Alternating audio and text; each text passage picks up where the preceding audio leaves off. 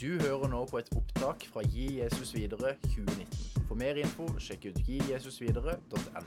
Tusen takk for eh, introduksjonen eh, i Ulstein. Eh, det var én feil der. Jeg skal ikke bli daglig leder i pinsebevegelsen. Det er det du som skal bli.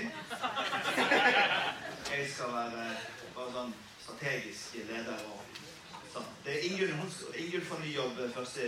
januar, så jeg skal jobbe sammen og forsøke å be for oss. Fordi at vi skal prøve å være både pressekontakt og talsfolk for 330 helt uavhengige menigheter. Som er veldig enig i alt. Men vi er veldig glad i den slekta der, så vi skal ta ansvar. Det går bra. All right. Fint å se alle. Eh, Jeg eh, har fått en bestilling fra Linda eh, som leder denne konferansen i forhold til det som jeg skal snakke om her. Så jeg har egentlig ikke snakket om det som jeg skal snakke om her nå i denne sammenhengen før, så det blir den flowen det blir. Jeg stopper noen ganger og spør om det er noen spørsmål. Mest sannsynlig gjør jeg det. Eh, og, og hvis du syns det var et rart sted han stoppet, så, tenk, så er det sikkert fordi jeg skal tenke meg om. Så, så, så, eh, så sånn er det. Eh, Temaet for denne, denne samtalen her, det er å vokse seg om. Og jeg forstår det slik at det Linda ønsket å, få ut av ved at hun sendte med boken 'Growing Young' og 'Hver tid teller', det er hovedideen for konferansen vår her. Og så tenker jeg at en av, av grunnene til at jeg skulle snakke om dette, er at eh, jeg har fått lov til å være med å lede en menighet som startet i 2004. Ledet den i 15 år. Det er en god stund faktisk eh, i norsk menighetsliv. Før det var jeg ungdomspastor i Tabernakel Bergen. Menigheten en menighet som jeg vokste opp i, men som jeg har vært vekke fra i en del år. Før det så studerte jeg ganske mange år i USA. Var barnepastor og, og tenåringspastor der sammen med min kone. Eh, så når jeg kom tilbake til, til Norge i 2000, så, så sa jeg til han som ansatte meg da, Instebø, så sa jeg til han du tar en sjanse når du ansetter meg, fordi at eh, jeg vil egentlig bli menighetsplanter. Og han sånn skikkelig bra old school pastor, sant? så han bare sa det går seg til. Sånn. Ja, men det gikk seg ikke til, det. altså. Rundt, rundt, vi hadde en fantastisk tid. Det var utrolig fint. altså. Jeg husker jeg tok over 118 ungdommer. Sto det på listen. Jeg tok over 118 ungdommer. Fikk inn en liste. vet du. Jeg hadde studert teologi og hatt masse om liksom, how to grow the church uh, og sånn. Og om multiplikasjon og ledertrening og den type ting. Så jeg sa 118 det er altfor lite for meg. Eh, så når jeg sluttet i 2004 så, eh, så hadde de faktisk trent 118 smågruppeledere på tallet. Eh, og nå er jeg ikke sånn ultrakarismatiker, så jeg gjør ikke noe mer ut av det. Det var jo artig sammentreff. At Etter 118 vanlige folk Samme tallet kan komme ut på den andre siden som 118 folk som har blitt satt i stand til å gi det videre. Det er ganske interessant at det går an å ta vanlige folk og flytte dem til sånne gi det videre-folk. Så det er det jeg har lyst til å snakke med dere om her i dag. Eh, jeg har lyst til å komme inn på det som handler om lederskap, og det som handler om smågrupper, som er bestillingen som Linda har gitt meg. Eh, og så vil jeg dele litt fra erfaringene som vi har gjort, og så vil jeg høre litt spørsmål fra dere. 2000 til 2000 til 2004 så var en fantastisk tid i, i, i Bergen. Eh, det var ikke bare en fantastisk tid for oss i menigheten vår, men det var en fantastisk tid i Bergen. På et tidspunkt der rundt 2003 så hadde vi rundt 2500 ungdommer som gikk på ungdomsmøter i Bergen hver uke. 2500. Og det er klart at når, eh, når NLM var kjempestor i Salem, og Kristkirken var store, og, og, og Frikirken og, og Pinsen Når alle menighetene på en måte la båtene sine inntil hverandre, så vant alle på en måte. Men så fikk vi en krise i en kirke, og så var det litt generasjonsskifte i noen menigheter. Og når vi så over de samme tallene ti år etter, og selv nå 15 år etter, så er tallene betraktelig lavere. Jeg tror ikke det er mer enn på rundt 1100-1200 per uke. Og I en studentby som Bergen så er det sånn at hvis du har et veldig stort og godt nett som tar imot de som kommer fra Ålesund og Stryn og, og Tynset og flytter til Bergen for å være studenter, det at de blir plukket opp av en lokalmenighet, det gjør jo at de blir både undervist, bevart og sendt. Men hvis ikke vi gjør det, så er det noen andre som plukker folk opp. Og det er jo akkurat her vi kjenner en type lekkasje. da. Vi kjenner at vi trenger at flere miljøer tenker eh, ungt nok til at vi er i stand til å kunne gi det videre. Jeg spurte ikke i går, men eh, jeg har spurt på en del store konferanser for hvor mange her tok imot Jesus før eh, de ble 25 år. Vi kan spørre spørsmålet her. Hvor mange her tok imot Jesus før de ble 25 år? Opp med hånden, alle sammen. Og så eh, kan dere ta hånden ned, og så spør jeg var det noen som tok imot Jesus etter de ble 25 år her i dette rommet. Og ser dere at det var ingen.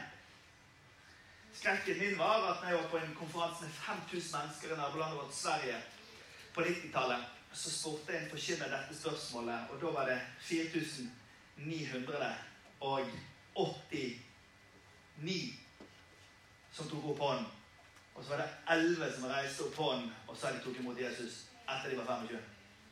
Så jeg har bestandig tenkt det, dere, og det var det jeg sa til han forstanderen i Tabernakel Bergen også. Jeg sa det til han at det, du vet, hvis, det, hvis du gir meg en sjanse, så, så har jeg lyst til å se om vi til starte en ny kirke i Bergen. Eh, det er ikke fordi jeg skal være opprørsk eller vanskelig. Du vet jeg har investert livet mitt i dette. Jeg har tatt mastergrad i teologi. Jeg har masse studielån. Eh, jeg, jeg, har, prekt på Den blå steinen på Torgallmenningen. Eh, altså, jeg, jeg, har ikke, jeg har ikke noe fiskebåt å gå tilbake til. Jeg vil dette.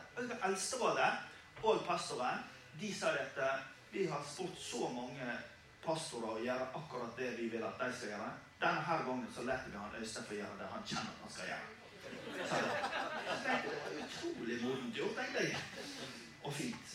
Så når jeg snakker om temaet som dette, så vil jeg gi all, all honnør til Lindsbø og til eh, Eldsterådet, som den gangen skjønte det. At Tabernakelet Bergen er en institusjon. Det er en fantastisk flott, stor flergenerasjonsmenighet. Og det er den fortsatt. Den er det. Og det er veldig mange folk som fortsatt også velger å gå til den menigheten når de søker Jesus, når de søker frelse, og når de søker et menighetsfellesskap. Det er ikke slik at alle som bor i Bergen, søker til en eller annen kul menighet med stor ledskjerm. Og Det er en av de viktigste tingene vi skjønner i mangfoldet av kristen arbeid i Norge. Noen globale ungdomsmenighetskulturer, noen eh, høy musikkulturer, noen litt stillere kulturer, noen mer tradisjonelle kulturer, alle disse her ønsker vi å ha plass til i Norge. Fordi at de, de, de treffer de ulike typene mennesker. Men like fullt så trenger alle disse miljøene her å være bevisste på at hvis det ikke er unger og ungdom til stede i gangene og i menighetslivet, så er det faktisk snart utgått på dato. Er dere? Så vi tok over pinsemenigheten på Voss i, i, to, i, for noen år tilbake. Først så spurte de om vi kunne komme og, og synge og spille. Og så sa jeg til dem Jeg har faktisk tatovert på brystet. Jeg sa jeg kommer aldri for å synge og spille. Bare for å minne meg sjøl på at det må jeg aldri gjøre. Det er helt sant, faktisk. Jeg kunne vist dere akkurat nå. Her står det i lilla skrift advent. Det skifter for uh, Kirkeåkens farer. Jeg kommer aldri for å synge til. Og det forsto ikke helt hva jeg mente med det. Men du, det går sånn å lede noe bare med sang og spill. Men du kan godt komme og ta over. Ja, da går ikke, sa de. Så kom vi tilbake et par år etter, og så sa de nå kan dere ta over. Så sa jeg da må vi ha en deal. Og det er det at de vanskelige tingene her, de snakker dere med meg om. Og de fine og enkle tingene, de snakker dere med de nye lederne om. Og den bilen den har de holdt. De var seks pensjonister. Alle var ikke pensjonister, men det føltes sånn. Eh, og, og forrige og forrige søndag var de 80. Ja. Sant? Og det er, en, det er en utrolig fin historie om at det som er etablert, faktisk evner å omstille seg for en ny generasjon. Så kom jeg opp dit en gang. Da var det litt eh, dårlig stemning. Da hadde de tatt Barrat-bilde og satt det over kjøleskapet nede på kjøkkenet. Sto laget grøt og Barrat og Jesus. Og så hadde de solgt eh, Steinway-pianoet altfor billig. sant? Det sto Steinway. Det var et bra piano. Jeg kan ingenting om musikk, men det var liksom selge en Mercedes for prisen av en Opel eller noe sånt. Det var ikke bra. Og Gud velsigne alle dere med Opel. Jeg mener ikke det eh, Og det er klart at eh, det som skjer da, er jo at eh, det er litt spent stemning, og jeg tenkte jeg må løsne med stemningen her. Og så så jeg at eh, det var noen som hadde trampet en brownie inn i teppet midt i salen. Så tenkte jeg her her er løserordet, tenkte jeg. Så i åpningen min da legger jeg ofte om til Rossamo. Jeg har lært det av Paulus. Du må gjøre alt for alle for iallfall vinne noen. Så jeg legger om det. Så jeg sa da er et sikkert tegn på vekking. Det betyr det er et sikkert tegn på vekkelse. Når brownien er trykt inn i Da, da jeg jeg på bokmål. Trykt inn i. Det er jo altså, altså Trampa inn i teppet. For da viser det at uh, ungene er tilbake på lokalet. Og alle ja. Det er et sikkert tegn på vekkelse. Når det ikke er så fint og rent lenger. Det er et sikkert tegn på vekkelse når det er hakk de stedene hvor vi håpte det ikke skulle komme et hakk. Hvor det er en teipbit der vi håpte det ikke skulle komme til. Det må, Et, et, bar, et, bar, et, sted hvor det er barn, der skal det alltid være litt crazy og litt brukt. Og litt slinger i valsen rundt greiene. Det må være litt kaos. En av de tingene som jeg har lært meg gjennom disse årene jeg har ledet Salt i Bergen, Vet du, Jeg har lært meg det at ja, vi skal være opptatt av kvalitet. Ja, vi skal være opptatt av at ting er stilig og kult og sånn. Men vet du, det kan ta livet av frimodigheten til folk hvis alt skal måles opp på et sånt eh, excellence-nivå hele tiden. Det kan kvele frivilligheten. Det sier jeg mye om i den boken som jeg har skrevet. det skal jeg ikke snakke om i dag. Men, men vi må passe på at det, det vi gjør i fellesskapet vårt, ser menneskene først. At vi gjør så godt vi kan. At vi, at vi, at vi har hjertet på utsida av drakta, og at vi gjør alt det vi kan for at det skal være inviterende og inkluderende fellesskap. Vet du, LED-skjermen vår den ble ikke større enn Fileffe Kristiansand sin når vi bygde nytt lokale. Jeg var jo deprimert i 14 dager. De har jo, de har jo større LED-skjerm enn det vi har her. Og, og, og, og, jeg måtte bare gå i Herren og si Herre, her har jeg glitt. Men vet du Folk kommer ikke pga. en LED-skjerm. Folk kommer ikke pga. kul musikk. Folk kommer pga. det som skjer i, i, i, det miljøet. La meg dra gjennom noen ting med deg som jeg har lært, som vi har lært. Eh, og så håper jeg at det kan være nyttig for oss alle. Jeg har to barn som har vært gjennom akkurat dette nå. Dette er lidelse. Ingen problem med dattera. Kjører jeg bra nå? Skal jeg legge meg til høyre nå? Er det noe du har lyst til å gi meg tilbake? Men speil meg litt nå på kjøringen. No problem med jenta. Da er jeg 16 år. Jeg tror jeg er bedre enn hun. Og, og er det, er det framover. Når det står et L på en bil, så tenker vi alltid nå må vi være tålmodige og greie.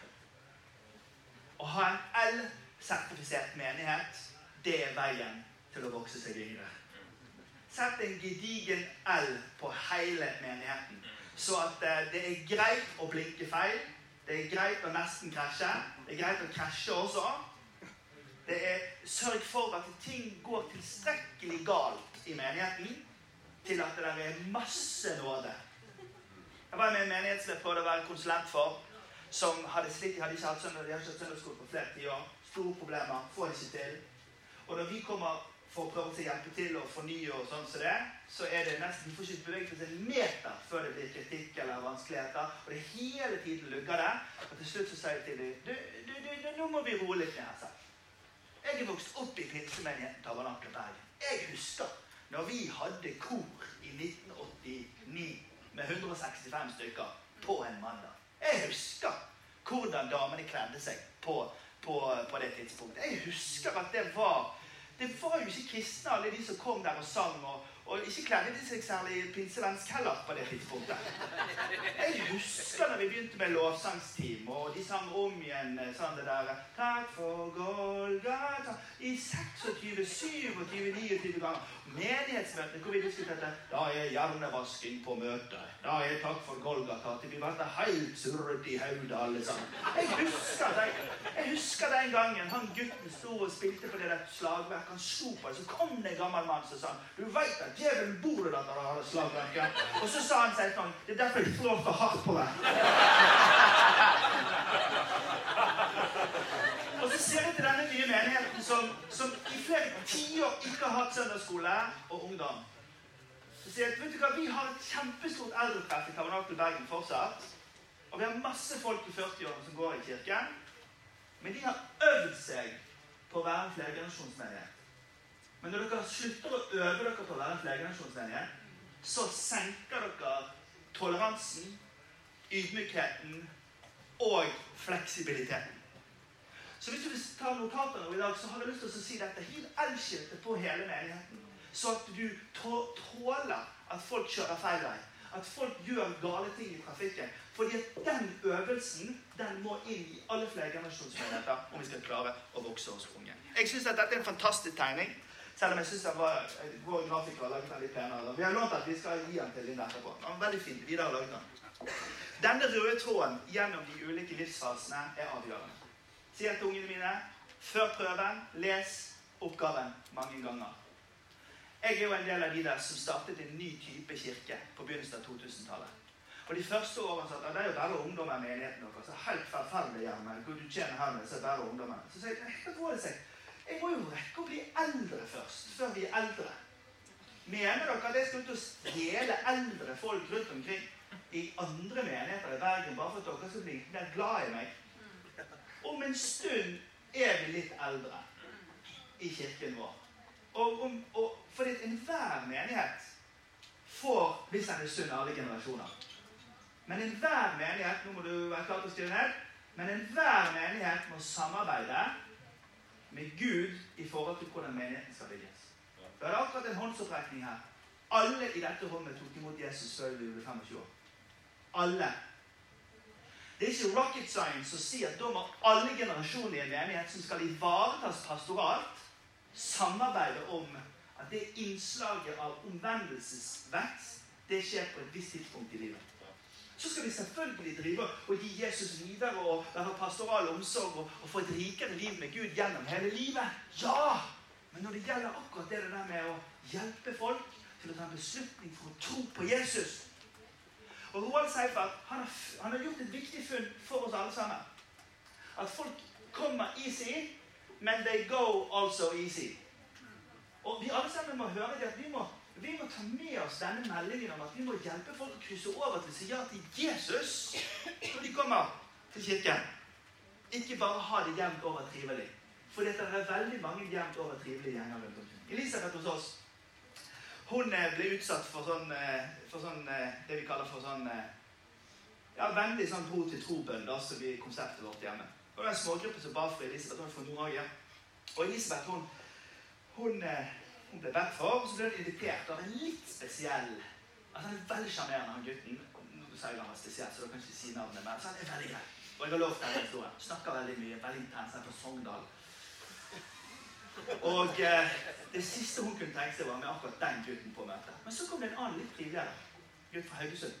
Og han sa Vi kan snakke sånn som dette i Bergen. Det er ikke jeg sier nå, altså. Det, det er avtalt med disse at jeg sier det. Det mener bare godt om alle disse. Unnskyld. Så spør han der Robert, da. Han spør med seg hun. Og da ville hun komme. Og så gikk hun i kirken vår i to-tre måneder. Hørte oss hver uke spørre hvis du er her i dag og du ikke kjenner Jesus. Men dette er den dagen du ønsker å komme til å tro på han, så inviterer vi deg. Og det hørte hun mange måneder. Helt til hun en dag tok mot Jesus. Og nå har hun vært med oss fire år. Er på team står på på greiene. Hadde med foreldrene sine, hun er fra Nord-Norge. kom faren til meg og sa jeg skjønner hvorfor dattera mi fikk trua her. Jeg fikk jo nesten trua sjøl.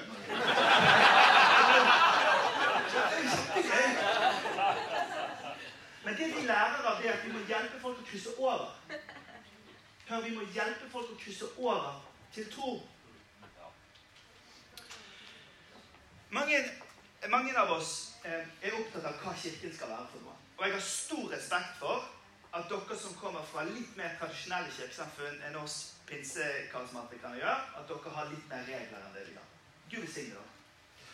Eh, de gamle kirkene, en svensk kollega av oss, han sier eh, baptistene og metodistene og lutheranerne eh, eh, de er på en måte som, som her, de er på en måte som, som flyvåpenet og, og marinen de er kjempeorganisert og store og tunge og sånn til det.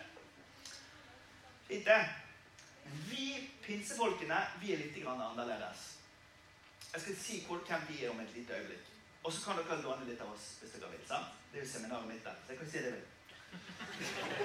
Reidar Paulsen, eh, pastor i Frikirken gjennom veldig mange år, startet Kristkirken Bergen i 92. Siterte han i går også. Reidar er nå 82 år gammel, en fantastisk mann. Og eh, han ga meg mye utfordringer. Eh, ga meg mye utfordringer når jeg tegnet bilde av hva slags kirke som jeg ville bygge. Og så sa han til meg ki- kirken, Øystein, det er jo en satt størrelse, det. Det er jo de som er døpt. Det er jo de som går til nattverd. Det er jo de som tror.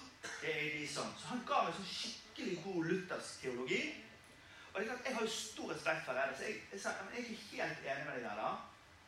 Men det er et eller annet i min pinsetradisjon tvinger meg til å utvide det bygget der. Jeg snakker kollegaer jeg sier at eh, mange av de gamle kirkene de er som flyvåpenet og som marinen. Men vi, de pinsefolkene, vi er litt sånn som, litt sånn som det, det, lette artilleriet. Vi er litt sånn som de der som har et sånt samband, og så springer vi opp på en kolle, og så vinner vi lite grann. Og så, og så blir vi veldig feilet fordi vi får til mye. Og så taper vi ofte veldig mye også. For de som er fremst i krigen, det lette artilleriet, de vinner mye, men de taper også veldig mye. Så jeg prøvde å forklare for Reidar og prøvde å forklare for dere i dag. Det vi har gjort i vår måte å tenke på, det er at ja da, Kirken skal gjøre misjon. Men rett og slett, for å vokse oss ung, så har de rett og slett bare bygd på hele kirken. Vi har rett og slett bare sagt at nei, hør. Vi aksepterer at Det nye testamentet sier at kirken det er de som er døpt, det er de som er innvidd, det er de som tror de som, Ja, vi skjønner det klesiologiske bildet, men vi er også her fordi at vi har en misjon i verden. Og så vil jo da Truls Aakvold, min gode kollega, her sikkert si at eh, alt Gud gjør, er misjon. Kirken er bare ett av uttrykkene for det. Ja da, men jeg prøver å illustrere for folket. Når du bygger på denne tenkningen her, møter du folk helt annerledes når de kommer til kirken. Nå sier jeg dette for å skryte, men også for å gi deg tro. Vi har hatt færre enn fem søndager. Jeg lover. Færre enn fem søndager. 15 år hvor det har vært nye mennesker. Nye mennesker hver eneste uke i 15 år. Og vet du hva grunnen er? Grunnen er at vi har bygd på kirka. kirka. Jeg lagde sånne regler ganske tidlig som sa i denne menigheten her så får vi ikke lov til å kalle folk for hedninger. Vi får ikke lov til å kalle folk for ufrelste. Og vi får ikke lov til å kalle folk for syndere. For det står at Jesus var syndere og tolleres venn. Så tenkte vi det snilleste ordet i den setningen, det er ordet venn. Så det bruker vi på de folkene som ikke tror så mye. Og rett og slett bare ved å et jobbe med språket vårt for, at, for å åpne utvide hjertet vårt for at de folkene som, som ikke er, tror så veldig mye, skal også kjenne seg Bare at vi gjorde den jobben skikkelig, det gjorde at folk møter mennesker helt annerledes. Jeg lover deg. Det er også forbudt blant våre medarbeidere også si 'de der barnefamiliene'. Eller 'de der som alltid reiser på fjellet'. Eller 'de der eldre'. Eller 'de der fremmedarbeiderne'. Eller 'de der De der er ikke lov. Sa, få et fornavn på den personen du snakker om. For det som skjer når du hiver et fornavn på de du snakker om, det er at du må internalisere det i hjertet ditt hva holdninger du har overfor det mennesket. Skal du vokse deg ung, så er du nødt til å utvide kirkekonseptet ditt også til å ha inni de folkene som ikke er så sterkt troende og innvidde. Bruk av og til også dette bildet, og så sier jeg at når vi møtes på en søndag i kirken vår, så passer vi på at det er i hovedskipet vi møtes. Dette er et bilde av en gammel katedral. I de gamle katedralene så var søndagsmessen den var for alle. Og det er viktig at det som sies og gjøres der, det skal være tilgjengelig og allment kristent. Så du hører ikke en tale i vår pinsemenighet. I dag skal vi snakke om essensen av den fjerde bjellen på Arons kappe idet han gikk inn i det innerste tabernakelet like før han snublet og falt. Altså, den talen, den får du kanskje i det blå rommet der. Og da er det kanskje bare to som gidder å komme på akkurat det seminaret. Men som pinsekarismatiker i Norge så har jeg trengt å flytte oss over på de sentrale budskapene som er for alle. Og så fins det Hellig ånd-kurs, og så fins det nådegavekurs, og så fins det, finnes det eh, eh, på ingen måte homoterapi. Det har ikke jeg hørt om før om for et par uker siden. Så det er bare et ord noen lagde for å, for, for å, for å ta knekken på, på oss. Dere vet liksom det fungerer, sant? At de som eier språket, de eier tankemåten. Og de som eier tankemåten, de eier framtiden. Så hvis du kommer på nye ord, og så hiver du noen nye ord på folk, som de forsvarer som noe de aldri har hørt om, og da går det noen uker vakuum før man Vi tar ikke den debatten nå, men vi får be for hverandre. Langs sidegangen i alle katedralene så var det ulike ting. Skal du vokse deg ung, så må du passe på det at det du i hovedsak legger vekt på, det er noe som blir forstått og er attraktivt for de folkene som møtes der.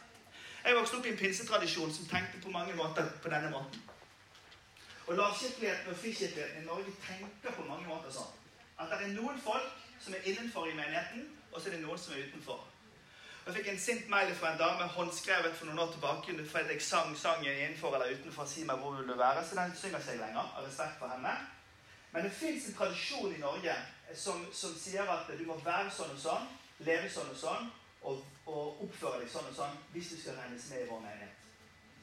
Og det dere, det har skapt enormt mye avstand mellom mennesker i bygder og byer i Norge. Det har av og til blitt så vanskelig å gå over terskelen til bedehus og forsamlinger i Norge. Og det sitter i barnebarna, det som besteforeldrene opplevde. Filadelfia-kirken i Stockholm har i sin tid meldt ut 5500 mennesker fra menigheten sin. 5500 mennesker har de meldt ut. Da mistet du medlemskapet ditt hvis du eh, gikk konkurs. Eller hvis du ble skilt. Da blir du bare shamed på utsida. Og det dere, det er ikke greit. Det er nå vi lever. Det er nå vi må si vi må bytte ut den der innenfor og utenfor-greia. Så må vi heller sette korset til Jesus i midten. For han sier det. Kom og følg meg, sånn. Og så spiller det ingen rolle om du er nyskilt og, eh, og i livskrise. Det er tapt år å gå gjennom skilsmisse. Eh, psykisk lidelse, alkoholmisbruk stiger betraktelig for de menneskene som går gjennom samlivsbrudd. Jeg har hatt så mange venner som har det, det, det er ofte da de kommer til kirken. Og da spiller det ingen rolle om de ikke tror i det. Det som spiller noen rolle, er om de begynner å vende seg mot det korset. Det spiller jo ingen rolle her borte om det er en, en guttunge som, som sa nei til Jesus i konfirmasjonsalderen, men så sier han ja til Jesus etter å han vært på, med på både Ex on the Beach og Paradise Hotel og de andre. Og så vender han om, og så går han den veien. Det viktigste er ikke distansen. Det viktigste er retningen du går. Skal du vokse deg ung, så er du nødt til å romme alle de folkene som har snudd seg i retning av Jesus. Så når jeg og min kone sto og pratet med en ung, en ung mann som kom. Han eh, har utrolig interessant historie. Jeg har ikke sett den igjen, faktisk. Derfor forteller jeg denne historien. Kriminell. Har blitt kjæreste med en dame som går i en kirke. Han hadde utrolig lyst til å være sammen med denne damen, men han hadde ingen aning om hva kristendom handlet om. Så han kom på studietur til oss. Skulle, at det var rett, Vi var en del av sjekketrikset hans. Så står jeg og snakker med rett og slett en mann som har vært kriminell i, i flere, flere, år. For jeg er interessert i en dame, men jeg skjønner ikke så mye på kristendommen, så jeg har lyst til å lære det dere.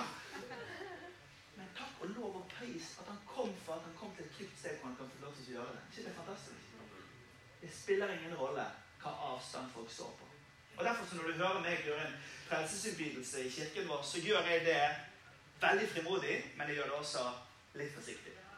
Jeg sier alltid hvis dette er din kveld, hvis dette er din dag Det kan godt være det neste uke for deg, for jeg skal ikke rushe det. Men, men, jeg, men hvis dette er din dag Statsminister Erna Solberg er på besøk hos oss nå. Vi har hatt så mye mediestyre i Bergen. Så kommer statsministeren. Svarte biler og greier og prater, og vi har det kjempe. Holder flott tale i ti minutter. Takk for frikirkeligheten i Norge. Dere, eh, dere er en fornyende kraft for livssynet i Norge. Vi ble så glade. Vi klappet jo sånn for henne at hun holdt på å stime av. Hun sa hvis dere, hvis dere er så glad i politikere, så er det ikke rart de trives på valgdebatt. Fantastisk. Men jeg er ganske opptatt av å følge prekeplanen. Så jeg forkynte jo det som sto i prekeplanen min den dagen. Heldigvis var det Lukas 5. Vers 17. Da kom han til seg selv. Du vet, det å komme til seg selv, vet du. Gjør et Google-søk på den, så finner du nordmenn som har mistet seg sjøl og lurer på om de kan finne seg sjøl igjen. I den kristne livsanskuelsen så er det å begynne å finne seg sjøl, det er også reisen hjem igjen. Så kommer han hjem til faren sin, og så reiser vi også, så kommer lovsangene på. sant? Det er jo Pentecostal, så det er jo bare 'Who will get saved today?' var det store spørsmålet. Folk ber nedi der, vet du. Så spør jeg noen som har lyst til å ta imot Jesus. Og Den dagen var det, var det syv stykker. Som tok imot Jesus. Sant? Og jeg var i denne store rommet. Sant? Gud velsigne deg der. Se din hånd. Gud velsigne deg der. Erna Sol Solberg står der med han som hadde lyst til å vinne byrådsmakta i Bergen. Sto der, politikerne. sant? Gud velsigne deg. Gud velsigne deg. Og da skjønner hun som er statsministeren vår, at Jesus har ikke Altså Himmelen er på en måte ikke stengt, og religion og livssyn er på en måte ikke over i Norge. Det er snarere kommer i en ny drakt, for det fins et annet liv der. Det som jeg gjør når jeg tar en frelsevirus, det er å slippe løs evangeliet det rommet. Og Da er det ikke opp til min retorikk eller vår teknikk, men det er opp til oss som har bygd et så stort kirkerom at det også er plass for de som står på lang avstand. Det er de som klikker over og sier ja til Jesus. Men du må gi folk muligheten til å ta en bestemmelse. Fordi det er når de tar en bestemmelse, at de også blir. Kan du si litt amen til det? Vi må gi lederskap videre til folk. Vi er nødt til å involvere folk i å Fikk du det? Video. Hæ? Video. Oh, it's video. All right.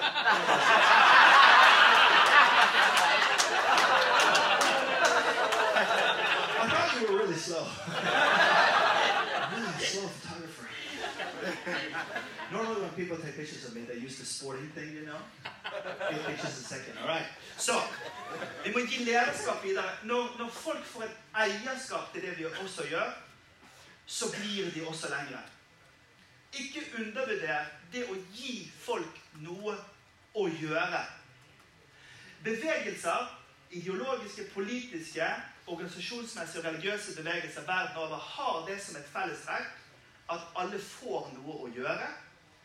At alle sammen, at man kommuniserer effektivt med folkene, og at folk danner seg et fellesskap. Det var derfor kommunistene sto her på 70-tallet med en sånn rød bok. Sto ute på gaten og Les denne boka! Har du lest denne boken? Jeg har ikke lest den. Er veldig gøy å spørre. Les denne boka! Denne røde Mao-boka. ikke sant?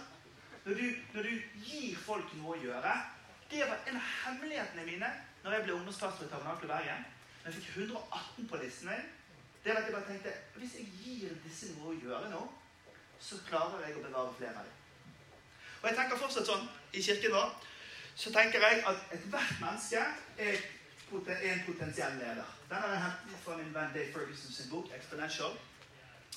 Ethvert individ som kommer inn i kirken vår, har mulighet til å få eh, en lederoppgave. Alle kan bli ledere. Jeg tenker sånn, jeg. Og de kan, for de kan f.eks. bli sjefs, eh. De kan bli sjefsnøkkelansvarlig. De kan bli, de kan bli Jeg skal gi et resumé av talen fra søndag på smågruppen ansvarlig. De kan, altså, Ethvert individ har i seg potensialet til å i alle fall delta i begynnelsen av en sånn reise. Blir man nestleder, og så har vi et ordtak som sier Nestlederen er den neste lederen. Nestlederen er den neste lederen. Nestlederen er den neste lederen. Nestlederen. For da legger du inn en forventning til at det går an å aspirere oppover den organisasjonen. Det neste er at du blir leder av en smågruppe. Og så, når du har ledet en smågruppe lenge, så kan du få lov til å bli coach i en smågruppe. Dette funker skikkelig bra. altså. Gjort dette flere ganger. Nå har vi 130 smågrupper i kirken vår. Og det er klart vi har en koordinator som hjelper til å gjøre det. Men det var like bra når vi var 15 og 25. Det spiller ingen rolle om du er 5 nå eller 50. sant? Og jeg vet at det tallet jeg sier nå er veldig høyt i forhold til norsk målestokk. Men ideen er den vi tror på folk. Og vi hadde en verdenskrig i begynnelsen. For folk sa sånn jeg, ikke, jeg vil ikke være leder, jeg kan være koordinator. Men hva er det for noe, da? Ja, jeg kan være sånn sjefs-SMS-utsender. Nei, må, det er leder jeg spør deg om. Og jeg, jeg fikk nesten, jeg fikk nesten nærmeste lærerne mine mot meg også. Jeg sa, jeg kan ikke tape denne kampen. Vi må slutte fred med begrepet lederskap. Vi må slutte fred med det faktum at noen må ha frimodighet til å gå foran. Jeg vant jo til slutt, og heldigvis så gjorde jeg det. Det var også i den perioden, da vi plantet salt rundt 2005-2006, at vi hadde det store korslaget. For det som skjedde i det store korslaget, det var at det var en dame som ikke ville gå på smågruppe. Og, men hun ville starte kor. Så jeg sa at eh, det, jeg har veldig tro på det. Jeg er jo snill, sant? Pastor. sant? Så jeg har veldig tro på kor. eh, veldig tro på at vi kan gjøre det. Men hvis, hvis det blir slik at du lager et kor på tirsdagskvelden, så kommer barnefamilien i menigheten til å prioritere det koret. Det som skjer da, når jeg skal få oss inn på smågruppe på onsdag, det er at de ikke kommer til å komme på smågruppe på onsdag fordi de har vært på kor på tirsdag. Så nå er jeg ikke slem. Jeg er ikke, eh, jeg er ikke vanskelig. Jeg sier bare at i utviklingsreisen til vår nye menighet her, så, så kan vi ikke starte et kor. Jeg må få i gang smågruppene som er disippelgjørende. For det disippelskapstråden er den viktigste. Ikke at vi starta aktiviteten av et kor. Den familien sluttet i menigheten, reiste til en annen menighet og startet et kor. Og jeg kommenterer ikke videre på den familien. Gud velsigne de, det går sikkert kjempebra, det. Men de ville oppnå noe annet enn det jeg ønsket å oppnå. Følger dere? Og den disiplinen av å se disippelskapsrøde tråden som en viktigere rød tråd enn aktiviteten avgjørende. Kan du si et lite amen til den, bare sånn at jeg føler at dere er med på den? Dette er et prinsipp som jeg følger. 2-2-2-prinsippet. I alt jeg gjør, så tenker jeg på dette verset. Det du har hørt av meg i mange vitners nærvær, skal du gi videre til pålitelige mennesker som er i stand igjen til å undervise andre. Og dette er så viktig. Jeg reiser litt rundt i Norge og holder foredrag. Og så stopper jeg av og til og så sier jeg, snakk med sidemannen. Og det som jeg legger merke til For dette sier ikke bare Sam, sant? Ikke si det til Dagen og Vårt og der. For jeg sier det bare for Vi må bare vi må, vi må ha en endring. Jeg ser at ofte så må voksne forkynnere de må gå på do akkurat når de skal snakke sammen. Fordi at formen for kristen ledelse er å holde mikrofonen og tale mer enn å sitte med noen og i dialog. Og jeg, jeg tilhører Jonas Gahr Støre-generasjonen. Dialog, dialog, dialog. Altså, vi har gruppearbeid i skolen siden vi begynte. Altså, Norge er et dialog, samhandling. Jeg vil høre hva du sier. Du gjør meg bedre. Altså, vi, vi er skrudd sammen litt annerledes. Dette verset forteller oss at Paulus var sånn som vi er. Generasjon 1 er Paulus. Paulus har fått noe. Det Paulus har fått, bærer han i seg, og så gir han det videre til Timoteus. Generasjon 2 er Timoteus. Så jeg starta Salt i 2004, og så Gro og Trulsen her borte. De startet Skien i 2015 16? Eller noe. gang. 17. I 2017. Generasjon 1 og vi ser med en gang det vi gjør, det ønsker vi å gi videre til noen andre. Mm? Daniel som jobber med meg i Bergen. Fantastisk gutt. Dere skulle sett han da han var 15. Langt skjegg. Rufsete, lyst hår. Han så ut som en crazy professor som akkurat var konfirmert. Og min kone kom til meg og sa 'Hva er det du ser i han typen?' Og nå jobber han med oss fulltid, har plantet menighet og har bibelskolerektor. Helt fantastisk. Kristent lærerskap handler om å se på neste person. Men ikke bare på neste person, også gjennom Timoteusen til pålitelige mennesker. Se nestemann som kommer etter der igjen. Også ikke bare det, men også etter vi har sett på de pålitelige menneskene, så ser vi som også er i stand til å gi det videre til andre. Ser du? De spurte Brian Houston, som leder Hilson, så sa de hvorfor, hvorfor har dere så mange musikkuttrykk i kirken? Så sa han det. Vi har, vi har Hillsong Worship, og så har vi Hillsong United, og så har vi Hillsong Young and Free, og så har vi Hillsong Kids. Altså han har fire musikkbrand i samme menigheten. Og så sa han noe genialt. Han sa jeg ser alltid gjennom den ene generasjonen til de som kommer etterpå. Og hvis du skal vokse deg yngre, så må du aldri, aldri tillate deg sjøl å se bare til Montesen. Du må se på de politiske som kommer etter. Du må ikke bare se på de politiske, vi må også se de, som, de andre som kommer etterpå. Og Vi kan ikke løse generasjonsmotsetninger og utfordringer i kulturen i Norge i dag i dette rommet. Jeg har ingen ambisjon om det. Men det vi kan løse, det er hva slags blikk vi har på de menneskene som er foran oss. Sånn at vi, når vi ser en familie, så ser vi ungene. Og når vi ser en besteforelder, så ser vi ungene og barnebarna.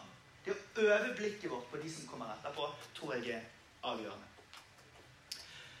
Dette prinsippet også har vært med oss i alle år, og du har sikkert sett det før, men når du skal lære noen opp i å gjøre noe nytt, så, eh, så, gjør, du, eh, så gjør, du, det som et eksempel for det først. Jeg gjør, vi, eh, og du ser på, og vi prater. Jeg gjør, du hjelper, og vi prater. Skifte dekk på bilene nå. Ingen problem for meg og min kone å betale noen til å skifte dekk på bilene våre, men, men jeg gjør det fordi guttene mine må lære. Og Hvis de ikke lærer å skifte dekk på en bil, så sitter de inne og spiller Fifa. Og da blir det alt så mye krangling. Så det blir mindre krangling hvis vi står heller utenfor og gjør det. Og hadde ikke det vært for han som er 1,85 og går på helsestudio, så hadde, så hadde, vi aldri fått av dekkene på den nye bilen. Det var, jeg far hadde bare ikke klart det. Så, så det jeg gjør, du ser på, jeg gjør, du hjelper, og så prater vi om det. Og du gjør, så hjelper jeg deg, så prater vi om det. Det skjer enormt. Jeg, vet du, jeg er forkynner i dag fordi at min ungdomspastor Daniel tok tak i meg da jeg var 16 år gammel.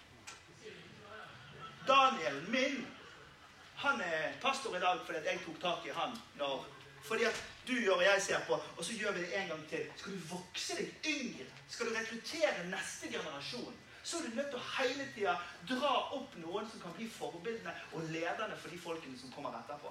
Dette er så enkelt at når du har gjort det en stund, så internaliserer du det. Vi kaller det i vår menighet for ta med barna-kulturen. Og Sønnen vår han har vært i vertskap i kirken. Han har begynt i vertskap i kirken da han var fire. Og Min kone har et bilde av han og det bare sleng, Hjemme vet du, så slenger du klærne fra deg i gangen. Det gjorde barna våre i, i kirken i Løsmann. Løpte inn i gangen. Det lå strødd klær. Heldigvis sluttet de å kle av seg på et visst punkt da i kirken. Hjemme gjorde ikke det. Men, men men, men den hjemmefølelsen av at dette gjør vi i fellesskap sammen. Så det første som jeg vil si til dere her nå, og jeg vet det er mye, det er det at å vokse seg yngre handler om å gi bort lederskap. Det handler om å gi bort lederskap. Og vi i pinsebevegelsen vi vet det fra tall vi har fra store menigheter hos oss, at de ungdommene som fikk lov til å være med og gjøre noe, de har også en større bevarelsesrate enn de som ikke gjorde noe. Det er faktisk et av de viktigste grepene for at folk blir, er at de får noe å gjøre. Snu deg til sidemann, og så eh, snakker dere sammen. Så tenker du hm, jeg skulle gjerne ha spurt om det, eller det var litt rart, eller det var litt mer nysgjerrig på. Vær så god, ett minutt. Kjør på. Vi har ikke så mye tid.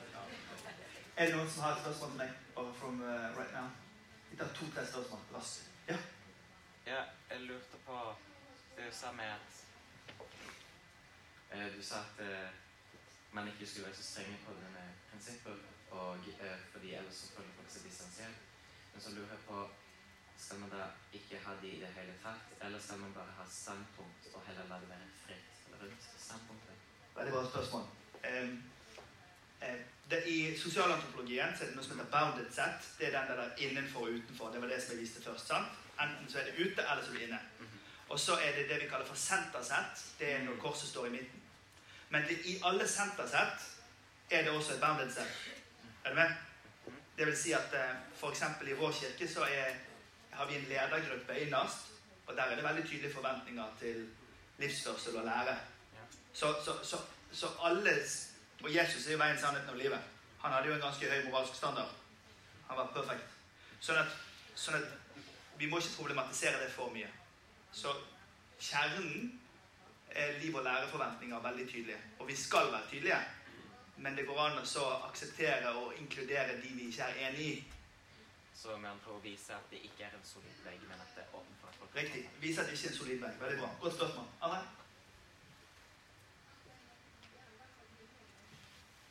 Jeg lurte på eh, den modellen du lånte fra Dave Ferguson med at du på en måte går opp og sender opp som pastor. Eller pastor på toppen, på en måte.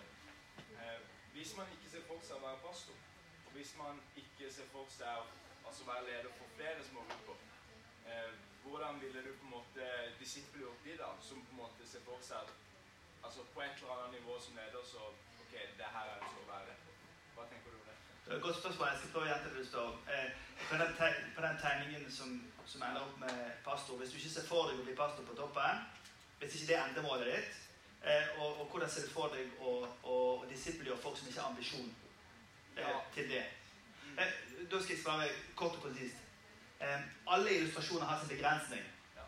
Denne ender opp med at man er pastor på toppen. Så denne er jo bygd for å vise hvordan rekrutteringen av framtidens ledere til kirkelig virksomhet kan gjøres. Og denne reisen fungerer godt. Og den fungerer bedre Altså outcomet av pastorer på toppen er mye større når du tenker på denne måten. Så, så, så det er win nummer én, da. Så eh, to eh, Jeg tror det er viktig Det blir en helt annen time og undervisning, da. At ikke de forveksler disippelskap og lederskap.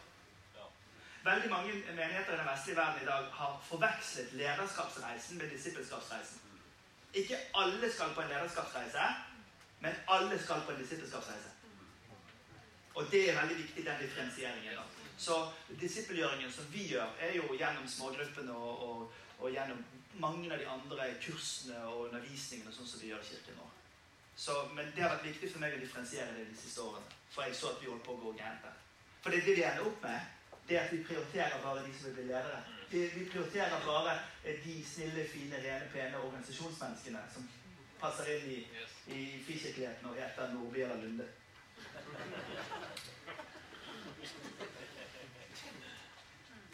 Ja. Du snakka om eh, at dere har nye folk som kommer inn hele tida. Eh, Hvordan får dere forkynnelse sånn? Snakker dere til de?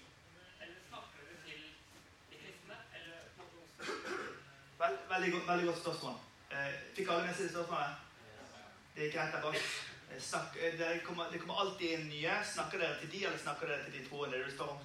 Dette har jeg lyst til å gi et godt svar på. For dette her er jo det Reidar Paulsen kjørte meg på. sant? Og Reidar har jo rett. Han er jo the man with the plan. sant? Så jeg har hørt på han. Alltid hørt på de gamle og voksne. Virkelig, altså. Jeg, liker å ta inn utfordringen. Så jeg sa til Reidar Paulsen at eh, Sånn her gjør jeg det på søndagen. Um, gudstjenesten er for Gud. Og så nikker Reidar Paulsen på meg. Ja, du har rett i det. Eh, så sier jeg den skal være interessant. Nei, den skal være til inspirasjon og oppbyggelse for de troende. Ja, det står det i Bibelen. Sant? For det i Nytestamentet eklesia, det er er oikodomia, oppbyggingen av, og så er det edification. Altså edification og oppbyggelse og trosformidling, det er kirken. Det er de to første setningene mine. Så kommer det en tredje setning, for det er pentekostal. Men den skal være interessant og forståelig for våre venner. Og det er da jeg bygger på kirken. Altså Misiologien er dratt inn i eklesiologien ved at, eh, ved at eh, vi gjør det interessant og forståelig for hverandre. Som min kone hadde et veddemål på jobben eh, med en type og spurte om at hvis du taper, må du med deg i kirken. Og han tapte, vet du. Hadde vært på eh, fest eller noe sånt. Vi hentet han om morgenen. Tok han med i kirken. og så satt han bak oss. Og så kom han fram til meg etterpå. Jeg har aldri fulgt med så nøye på noe som interesserer meg så lite. Kjempegøy. For det er det som er poenget. Jeg har akkurat hatt en serie over seks uker om relasjoner. Første, serien, første søndagen handlet om å kjenne seg selv. Den andre handlet om, å, eh, om vennskap. Den tredje handlet om ja, det handlet om ulike ting. Samliv, om ulike ting. Det handlet om seks ganger. Men hør, da bruker jeg bibelnarrativet som, som fortelling, illustrasjon og anskuelse for å snakke om relasjoner. Så jeg, jeg, jeg, Da kan jeg si sånn til begynnelsen at du kan få se eller Hør på podkasten hvis dere vil. Da sier jeg sånn sånn Det er utrolig mye fint vi kan si om å bygge sterke relasjoner. Vi er glad for at i kirken vår har vi psykologer, og, og vi har helsearbeidere, og vi har lærere og medisiner. og Folk som er kjempekapable rundt akkurat det vi snakker om i denne serien. Men nå er det kirketid, folkens, og her i kirken så er det den kristne livsanskuelsen som vi ønsker å formidle. Så dette er ikke et foredrag, dette er forkynnelse. Derfor så lener vi oss på Bibelens fortellinger, for vi tror at her ligger teologien langt foran. Både psykologien, sosialantropologien og alle disse andre vitenskapene som vi er veldig glad i. Men vi tror at eh, Gud er en relasjonell Gud. Han har skapt oss til å leve i relasjon med hverandre. Og så bare aksepterer jeg alle fortellingene, men jeg drar de inn i dette er et rom hvor det er avklart at den hellige boken er den vi forkynner fra. Det som skjer i rommet, da, det er at alle de som kom skeptisk og tenkte vi var en gjeng med litt sprø, uinformerte folk, de skjønner at vi er sett, vi er inkludert, vi er respektert, akseptert. Men akkurat nå så er det den kristne livsanskuelsen som er, som er det ontologiske argumentet. Altså I filosofien så har vi et begrep ontologi. Eh, Det ontologiske argumentet. Det vil si at vi, Vår første fortelling er at vi tror at Gud skapte verden. Det vil si at vi tror at Gud skapte oss i sitt bilde. Vi tror at han skapte oss med denne meningen. Og, og den tiden vi lever i nå, er nesten helt tom for sånne ontologiske argumenter. Vi dyrker forvirringen nå for tiden. Alle kan bare komme opp med en helt løs. Sånn, sånn ikke det i kirken. Og Derfor så må vi i innledningene våre når vi gjør bibelundervisning, det var tegne kartet litt og så si at eh, vi står ganske stødig her nå på at eh, nå skal Gud få lov til å snakke. Og da snakker vi i den konteksten om samliv. Vi snakker om vennskap. Vi snakker om kollegarelasjonen på jobben. Og så drar vi inn, tok vi inn professoren på Høgskolen i Bergen, Frode Thuen, skriver Aftenposten og BT. Han ble intervjuet sant? Om eh, samliv og sånn. Og han, da, han snakker jo helt sånn psykologi og samliv, og det blir liksom popgreiene. Og når vi går på etterpå, så er det, det Guds ord som taler. Og vet du, det der, det syns folk er nesten litt eksotisk. At noen oppegående folk kan rett og slett stå her og make sense av Guds ord på en slik måte at det faktisk treffer. altså. Du har fått så mye bra tilbakemelding på denne serien om relasjoner. Men jeg er glad og trist når jeg hører det. Og her er grunnen til jeg er glad og trist. Det er det at når jeg underviser faget forkynnelse, så sier jeg en av de viktigste tingene det er det at vi, når vi forkynner Guds ord, så møter vi behovet for relevans uten at vi lar relevans bestemme hva vi sier. Er dere med? Altså, vi møter behovet for relevans uten at behovet for relevans bestemmer hva vi sier. For Det er veldig lett for oss forkynnere å si og dette leste vi i et ukeblad, det vil vi snakke om. Og dette så vi på TV, og det vil vi snakke om. Og, og dette er ungdommen opptatt, det vil vi snakke om. Og så er det plutselig dikteringen fra det som skjer der ute, som sier hva vi skal si. Nei, nei, nei, nei. Det som står i Guds ord, det er det Gud sier. Det forkynneren sier, det er det Guds ord sier. Og det er det som er the magic. Og vet du, jeg, har, jeg tenker hver uke nesten. Helt galskap. Ikke litt med mor. Men grunnen til at jeg orker å fortsette å holde på, det er at jeg står under en annen autoritet når jeg gjør det. Jeg slipper å oppleve noe sterkt med Gud denne uken for å preke på søndag. Men jeg kan få lov til å formidle det som Guds ord sier. Og da, da går det an å fortsette med det. Nå er jeg ute av tema. Jeg anbefaler eh, at vi snakker videre om dette. Andre spørsmål? Du har dette her, Bakke. Mæland Bakke her i midten. Har du et spørsmål? Det var egentlig bare litt oppfølging av det han sa der bak. For, bare i forhold til det med eh, Veldig glad for det du sa om å skille mellom disippelgjøring og lederskap. Ja.